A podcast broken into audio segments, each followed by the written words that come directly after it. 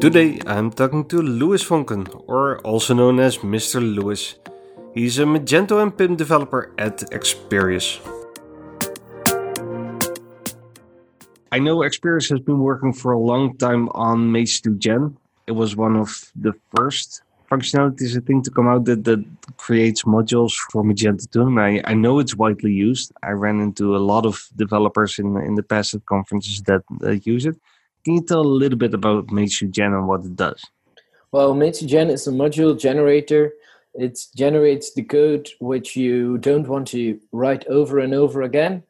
Um, when you have uh, typos, this can solve the problem because typos are a human error, and now it's replaced with an auto generator.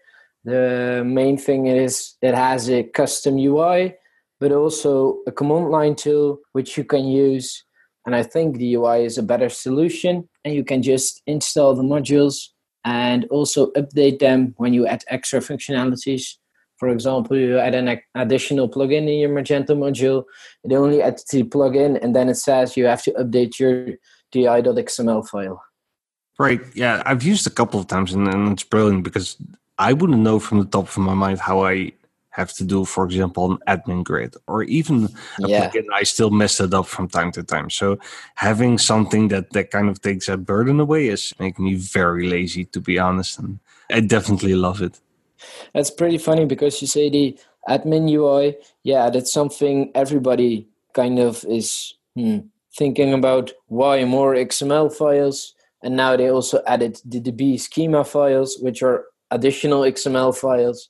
And there are a lot of changes between 2.1, 2.2, and 2.3. And a good example of the admin UI, you can really see the difference between how the XML file is based. Right. Who even has time for that, right? You you want to yeah. have boilerplate for that. So uh, that's that's definitely great that it's out there. And then APIs, that's definitely a tricky one. With the way Magento is moving and with how our ecosystem is moving, we're definitely focusing more and more on APIs, on integrations, headless integrations. So the last time I used it, I actually did some modules with RESTful endpoints, but you now expanded that, didn't you?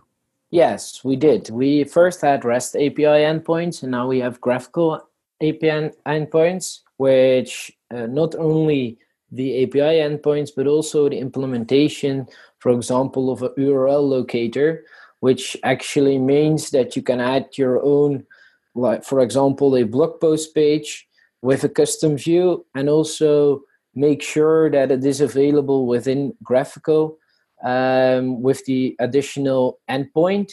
And then you can even make your own root component for PWA Studio. Right. Yeah, that's brilliant. Just to take a step back, yeah. why would I want to use GraphQL instead of like REST? What's the benefit for me as a developer? As a backend developer, there are not much because it's mostly for the front enders, easier to implement but it's also much faster in my opinion but mostly for the front enders that they can easily implement it within react components or within a uh, Vue so it's mainly for the front end in my opinion. Right. Yeah that makes sense. So if i create my module with mage2 gen and i have for example certain entity uh, models then you will generate the models around that right? Well, currently we haven't implemented it within the module, but mm-hmm. we have the opportunity to add a custom endpoint in which you can set a data provider, which is your model, and then you can use it within the GraphQL endpoints. We currently have for the model, we have added the REST API functionality and want to expand. So you can also select their GraphQL endpoint. But for example, if you add a custom configuration to Magento, you want that to be able to be retrieved by your front enders. Uh, so you can actually select, put it in the API for me, and then you can use it within the API. And that is based on the current documentation of Magento itself, but you don't have to think about it anymore. Right, that's amazing. So it'll do all the heavy lifting for me, and I just need to tie up the loose ends. Then, true. That's brilliant. So, I mean, I'm a backend developer. I know that. So, so working with GraphQL on the front end is not not that intuitive. I'll be honest about that. And sometimes it, it doesn't really really work out of the box. Like, how do I debug that? How do I get into to actually finding out what is wrong? Well, there are several ways to do so. First of all, there are tools like GraphQL or Postman, which you can use to check if the um, query you're using is actually correct um, because it, it, reads the schema and then it validates your query. Uh, but if you go to the backend side, you can also use tools like Xdebug to go through the, the through the resolver, and eventually you will find the error. In a good cases, we had a case like we wanted to add caching. We did add the cache identifier, but eventually it wasn't cached and it was because only GET requests can be cached within the current implementation of Magento. Yeah, some very small line in the documentation says so, but if you have to debug this, thank God that Xdebug is there. yeah, I would just spend days on that. Yeah. To, to only find out it doesn't do post. That's so interesting yeah that's that's definitely one of the things that you need to learn with new tools right not just how to implement them but also how to then debug them how to work with them True. Uh, and that kind of stuff so really cool uh, so GraphQL, that's one part, and then how does it tie into PWA Studio? Like, what do I have to do in PWA Studio to start exposing my own and data endpoints there? Well, the funny thing is that when you add an endpoint, it also generates a basic query which can be used within PWA Studio. Currently, it generates like a root package folder with the source folder in it, and there the queries folder. There you can see the actual query which can be used already directly in your PWA instance. Um, you can also make node packages uh, with npm um, which you can then later install. And something cool, maybe James hasn't said it yet, but you can include specials uh, within your Webpack configuration. So you can dynamically load, for example, a block module. You install it in Magento. You gen- also generate the root components, which you create an npm package for. And then you can install it and include it it's uh, within the Webpack configuration, and then you're up and running.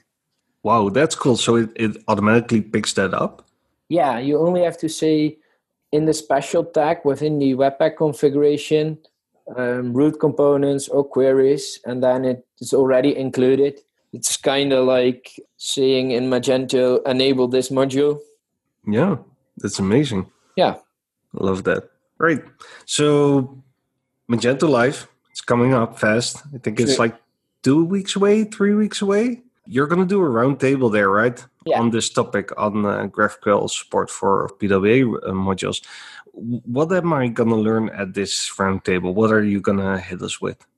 Well, now I see that third party extension developers create GraphQL endpoints, but they don't think about the total package. So they create queries to retrieve data, but have no clue how to actually implement it. For example, when you have your when you have a block module, um, you also have to do the routing.